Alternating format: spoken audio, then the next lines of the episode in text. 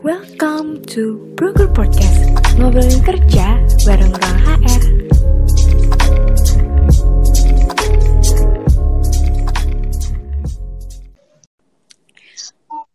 Halo Sobat Hero, kembali lagi di Broker Podcast, tempatnya kamu cari informasi seputar pekerjaan. Nah, masih sama aku, Divina Clarissa, teman-teman bisa panggil aku Divina. Di episode 18 kali ini, kita bakalan ngobrol bareng Kak Yulvi lagi. Dan kita bakal bahas um, berbagai hal seputar mengatasi sakit hati setelah tebar jalan lamaran di banyak tempat gitu ya. Mungkin banyak sobat hero yang ngerasain down yang ngerasain putus asa habis habis berjalan lamaran gitu ya lamaran di A di B di C tapi kok nggak ada yang diterima gitu. Dan hari ini kita bakal hmm. bahas itu kita bakal bahas gimana sih kuncinya supaya kamu tuh bisa mengatasi sakit hati kami sakit hati kamu barengan sama Kak Yulvi halo Kak Yulvi Hai. Hai. Ya Kak abis abis udah delapan eh, tujuh belas tadi hari ini kita um, ngobrol ba lagi bareng sama Kak Yulvi Kak Yulvi um, sehat ya Kak hari ini Sehat dong. Sehat. Um, Alhamdulillah. Oke. Okay. Puasanya lancar terus ya, Kak, tiap hari. Insya Allah. Iya, meskipun panas terik tapi tetap kuat ya, Kak. iya, wajib, wajib. Wajib, oke. Okay. Kita langsung masuk aja ke pertanyaan pertama ya, Sobat Hero. Um, aku mau tanya dulu ya, sebagai seorang talent acquisition gitulah, istilahnya sebagai seorang HRD, dulu mungkin di awal-awal membangun karir, Kak Yulvi tuh pernah nggak sih Kak ngerasain rasanya di ghosting sama HRD waktu daftar gitu? Kan pengalamannya rasanya seperti apa? Oke, okay. um, sebenarnya ini pengalamannya pas bener, uh, bukan bukan pas bener-bener abis lulus banget ya. Jadi justru setelah udah selesai kerja, terus baru mau pindah ke perusahaan kedua, itulah uh, ngerasain di ghosting gitu. Soalnya pas lagi awal-awal fresh graduate itu alhamdulillahnya langsung keterima kerja gitu. Oh wow. Gitu, iya. Jadi setelah tapi kan emang waktu itu kerjanya emang temporary ya. Jadi maksudnya kayak semacam magang gitu ya istilahnya sekarang tuh yang mungkin hmm. lebih common. Jadi setelah magang itu mulai carilah ke perusahaan yang mungkin bisa dibilang mau nyari jadi karyawan tetap gitu ya. Hmm pas nyari itulah pernah punya pengalaman di ghosting sama HRD. Istilahnya di ghosting sekarang ya, bukan di PHP ini ya. lebih ke bahasa Inggris kalau sekarang. Lebih ke bahasa Inggris ya. Oke, oke.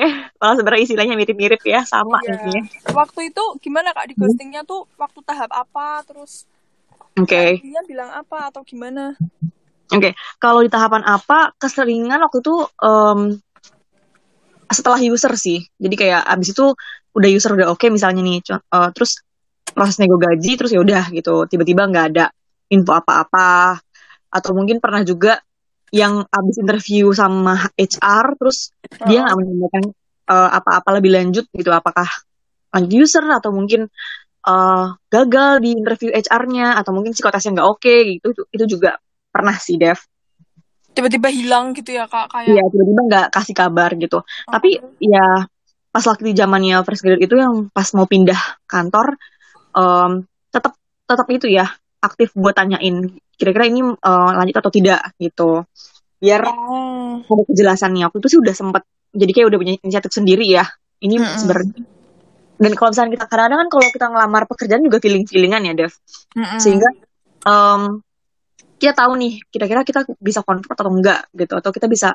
uh, ngejelasin waktu pas lagi interview atau enggak gitu kita punya feeling tersendiri juga jadi kalau memang saya udah punya feeling aku udah punya feeling kayaknya bakalan oke okay nih sama user ini gitu pasti aku nanyain sih sama HR-nya gitu. Hmm, tapi itu waktu Kak Yulvi ngelamar tuh baru di satu tempat ya Kak? Maksudnya apakah dari banyak okay. tempat terus sering di ghosting gitu atau hanya dari satu tempat aja yang memang Kak Yulvi pengen banget di situ? Um, di beberapa tempat kok waktu itu zamannya fresh grad ya. Maksudnya kayak oh. masih abis punya pengalaman magang doang gitu. Mm-hmm. itu dari beberapa tempat melamarnya dan udah beberapa kali juga interview dan juga psikotes gitu. Oh. sebetulnya hampir 10 kali ya. 10 kali kak? Oh. nah sebelum kita pindah ya. Walaupun alhamdulillahnya pas banget dapet perusahaan yang kedua setelah magang selesai juga gitu. Jadi kayak udah kontraknya selesai uh, dapat langsung perusahaan yang yang baru. Tapi ya itu saya sampai 10 kali interview dan psikotes baru dapat yang perusahaan yang bisa ngasih uh, jadi karyawan kontrak terus tetap gitu. Oh ya tuh Sobat Hero Kak Yulvi aja 10 kali nggak apa-apa. Sampai sekarang udah yes. sukses kayak gini. Sobat Hero uh, yang... yang baru lima kali enam kali coba terus ya. Benar. Biar sama kayak kak kalau Yuli gitu. aku 10 kali deh. 10 kali atau lebih ya. Pokoknya 10 kalian deh sampai kayaknya tuh em, sempet juga beli amplop ya kan waktu itu zamannya masih pakai amplop waktu itu. Ha-ha. Jadi, eh, sekarang kan mungkin lebih lebih variatif ada yang mungkin kari, eh, rekruternya nggak minta nggak minta amplop. Tapi pas zamanku dulu tahun 2013 it- eh sorry 13 2017 itu tuh masih masih pakai amplop atau mungkin pakai cable holder yang bening tuh gitu masih pakai itu. Jadi kayak tukang fotokopi mungkin apa apal deh ini orang bolak balik beli ini doang. Bener buat di, dimasukin ke sana ke perusahaan ini ke perusahaan itu gitu ya iya ya beda beda ya gitu. Mm-mm. Em, nah waktu itu setelah se- nyoba 10 kali gitu ya kak terus mungkin 10 kali tuh yang yang terakhir baru yang masuk gitu perasaan Mm-mm. kak Yulvi gimana sih kak apakah sempat ngedown gitu di tengah-tengah atau sempat kayak ah udahlah ngapain nyoba-nyoba terus kok ini nggak ada yang Mm-mm. masuk gitu. Oke, enggak sih, be honest, enggak. Jadi justru kalau misalnya eh, ada yang nggak ngabarin atau ada yang kabarin, terus misalkan ada yang gagal, misalkan hasilnya, ya udah gitu, di flow aja langsung aja cari yang lain. Yang mana nih yang yang lebih yang yang bisa kira-kira sesuai sama kualifikasiku waktu itu posisinya. Gitu sih, Dev. Eh, Jadi pas udah gagal cari lagi, gagal cari lagi atau nggak ada kabar cari lagi yang lain gitu. Jadi walaupun itu kan pemanggil panggilannya 10 kali ya, maksudnya di, di mm-mm, 10 kali di 10 perusahaan waktu itu. mm-mm. Tapi aku apply-nya tuh lebih dari 10 tentunya gitu.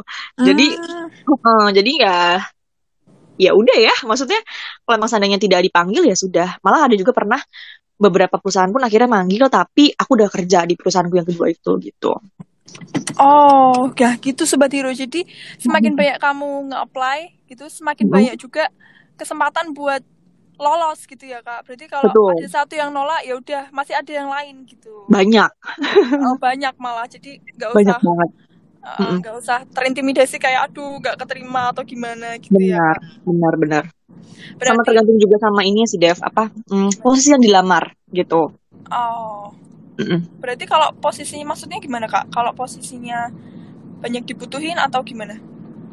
contoh eh misalnya aku psikologi tapi aku pengen lajur nih lintas jurusan da- dari pekerjaanku yang sekarang. Misalkan eh, kan kalau psikologi kamennya adalah jadi HR tapi aku pengennya jadi em, desain grafis misalnya atau mungkin pengennya jadi proses improvement misalnya atau mungkin ya banyak hal ya banyak posisi yang eh, bisa jadi dia pengen berkarir di bidang yang lain lah eh, dibandingkan apa yang dia pelajarin sebelumnya. Itu kan juga jadi salah satu alasan bisa jadi dia nggak dipanggil ya gitu. Atau dia di ghosting akhirnya.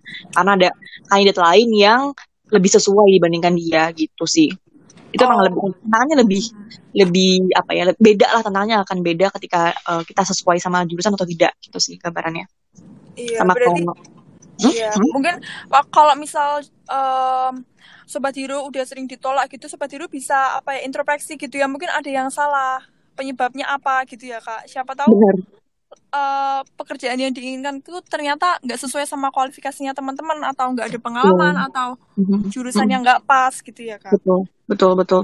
Oke, harus nah. jeli juga sih sama iklannya ya. Kan ada yang mungkin iklan. dia terima sam- beberapa jurusan tuh ada juga yang emang mungkin khusus itu gitu Oke, job specification gitu ya Kak maksudnya. benar job specification. Nah, em, kalau dari Kak Yulvi tadi kan nggak ngerasain istilahnya nggak ngerasain kecewa atau kayak sakit hati gitu ya iya enggak ya kenapa ya aku juga bingung Heeh. sih deh kan sobat diri di rumah ini mungkin ada beberapa atau mungkin banyak yang sakit hati gitu. Kalau misal Mhm. lamarannya udah ngajuin banyak tapi nggak diterima gitulah. Menurut Mhm. menurut Kak Mhm. Yulvi gitu, selain tadi merhatiin apakah kualifikasi, apakah jurusan sesuai dengan posisi yang Mhm. dilamar, selain itu ada lagi nggak Kak yang bisa diperhatiin gitu supaya diterima dan nggak ngerasain kecewa gara-gara di ghosting? Oke, Eh, sebenarnya emang prosesnya akan panjang ya, Dev. Maksudnya ketika kita mau lamar di perusahaan itu, kita em, apa ya? Jangan kalau aku sih pribadi nggak langsung mikir pasti keterima gitu, enggak. Tapi justru mencari celah apa nih kira-kira yang dibutuhin sama perusahaan. Gitu. Kenapa dia mencantumkan kualifikasi? Contoh harus bisa bahasa Inggris misalnya, atau mungkin dia mencantumkan kualifikasi bisa eh, apa ya? Bisa bawa mobil atau punya SIM A, SIM B. Nah itu juga perlu juga disesuaikan ya, gitu. Jadi eh, terkait dengan detail itu aja sih yang paling harus diperhatikan. Oke, berarti apa pun syarat yang diminta sama perusahaan kita harus uh, setidaknya bisa menuhin gitu ya kak supaya Benar. setidaknya kita memenuhi kualifikasi gitulah. Benar ya Betul. kak Sebaiknya sih uh, paling enggak ya kalau emang dia ngasih contoh dia ngasih uh, kualifikasinya 5 ya paling enggak tiga dari lima itu udah ada di, di kamu gitu. Iya. Jadi jangan pede dulu ah kayaknya nggak keterima ah, kayaknya pasti keterima jangan pede dulu seperti itu. Tapi pasti mikirin dulu kalau nggak keterimanya kenapa? gitu. Aku seringnya mikir gitu sih dulu kalau aku nggak keterima aku kenapa nih nggak keterimanya gitu. Apakah ada yang salah dari CV-ku akhirnya aku review-review CV-CV yang lain. Oh aku compare lah CV-CV yang lain seperti apa yang lebih oke okay, gitu. Ada terus sampai akhirnya apa ya sempat riset juga ya waktu itu kenapa teman aku cepet dapat kerja yang baru gitu. Akhirnya aku compare CV-ku sama CV dia. Oh ya ya dia lebih lebih oke okay nih CV-nya akhirnya aku buat ulang kayak gitu-gitu sih Dev terus jadi dari tulisan tulisanku di email atau badan email jadi emang sampai sedetail itu sih dulu. Oh iya benar-benar berarti penting banget ya kak. Kita tuh mm-hmm. mesti tahu penyebabnya apa gitu. Jadi kita benar benar. tapi jadi kalau misalnya gagal jangan ya gagal. Tapi pikirin kenapa kira-kira gagalnya ya gitu. Terus uh, misalkan contoh udah kirim banyak jalan nih udah kirimin banyak CV tapi nggak ada yang dipanggil. Iya. Badan emailnya subjeknya atau di CV-nya sendiri jangan-jangan kayak gitu. Terus kalau misalnya udah pernah dipanggil pas lagi interview tapi ternyata pas gagalnya di HR terus nih, jangan-jangan ada yang salah nih. Entah itu penampilannya, entah cara ngomongnya, entah cara kemampuan dia meyakinkan HR-nya kayak gitu. Atau mungkin dia terlalu berlebih-lebihan pun juga salah satu alasan kenapa kadang-kadang kita nggak pilih ya. Banyak hal sih juga kadang-kadang. Kadang-kadang. Berarti daripada berlarut-larut mendingan cari solusinya ini kenapa gitu ya. Benar Iya. Terus gitu. um, sebagai apa ya HRD yang udah senior gitu ya kak Kak Yulvi. Aduh. Um, ini kan yang dengerin uh, mungkin ada fresh graduate yang lagi mau nyoba ngelamar atau okay. ada job seekers yang udah ketolak beberapa kali gitu. Ada nggak mungkin kata-kata motivasi dari dari Kak Yulvi gitu berdasarkan pengalaman Kak Yulvi tadi yang udah hampir 10 kali gitu ya di ghosting. Apa yang mau disampaikan buat para sobat hero yang dengerin? Oke, okay, kalau kalau misalkan kata-kata motivasi gagal hal yang biasa ya coba lagi aja gitu sih. Simple ya, gagal ya, simple itu. lagi aja. Karena kalau kita kalau katanya kalau aku pernah sempat baca juga ya, uh, kalau misalkan uh, kita gagal seribu kali ya kita pastiin bangkit seribu satu kali gitu aja sih. Benar benar. Yang di seribu satu kali yang satu kalinya itu ya kita berhasil ya gitu. Yeah. Kalau gagal udah cari cara kenapa kita cari cara cari cara untuk memastikan kita tahu kenapa kita gagal. Karena keseringan orang hanya mikirin ah kenapa sih PHP banget HRD sering nyalain nyalain HRD tapi enggak tahu dengan dia gitu. Itu juga nggak riset gimana gitu apa yang ada di Iya, ini uh, Sobat Hero sorry banget kalau ada suara motor gede ya. Barusan ada suara motor lewat. Di jalan ya. Um, Oke, okay, gitu aja kalau bisa aku tarik kesimpulan ya dari ngobrolku hari ini, podcastku bareng sama Kak Yulfi gitu. Kalau misal uh, Sobat Hero di rumah udah tebar jala lamaran banyak, terus di ghosting, di ghosting, ditolak, ditolak gitu. Sobat Hero nggak perlu sakit, ya sakit hati itu wajar, cuman jangan terlalu berlarut-larut gitu ya. Langsung coba lagi coba lagi cari tahu apa yang salah gitu supaya ya. lamaran yang selanjutnya bisa diterima gitu ya. Benar. Okay, sama dan... alumni juga boleh Dev. Gimana kak? Tanya alumni. Ah iya bener. Cari saran gitu ya kak. Bener. Kira-kira CV kun salahnya di mana gitu? Kamu uh, boleh lihat nggak yang CV yang biasanya diterima itu seperti apa? Nggak apa-apa loh. Karena alumni itu juga kalau dia udah punya uh, apa ya sudah sudah kerja gitu ya mereka jauh lebih uh, open minded juga ya. Terus dia mau juga terima uh, adik-adiknya buat tanya gitu. Tahu informasi sebanyak-banyaknya gitu ya kak. Benar, tentunya. Uh, uh, aku juga uh, terima kasih. Ucapin terima kasih buat kak Yulfi yang udah ngasih motivasi ngasih banyak insight hari ini. Uh, semoga sobat hero di rumah juga dapat insight gitu ya. Jadi yang lagi ngedown yang lagi mungkin lagi sedih gara-gara pandemi ini uh, ngajuin lamaran di mana-mana kok nggak diterima gitu. Tenang aja kalau memang teman-teman ber berkualitas gitu ya punya kualifikasi yang tinggi pasti diterima suatu saat gitu ya kak. Hmm. ada Dan, waktunya? Iya ada waktunya. Nah buat sobat hero yang yang udah dengerin podcast hari ini sobat hero kalau memang mau cari informasi seputar lowongan pekerjaan sama seputar magang gitu ya, Sobat Hidup bisa langsung follow aja di Instagram dan di web kami ada di ruang HR. Dan kalau memang mau cari banyak informasi tentang pekerjaan gitu Sobat Hero jangan khawatir.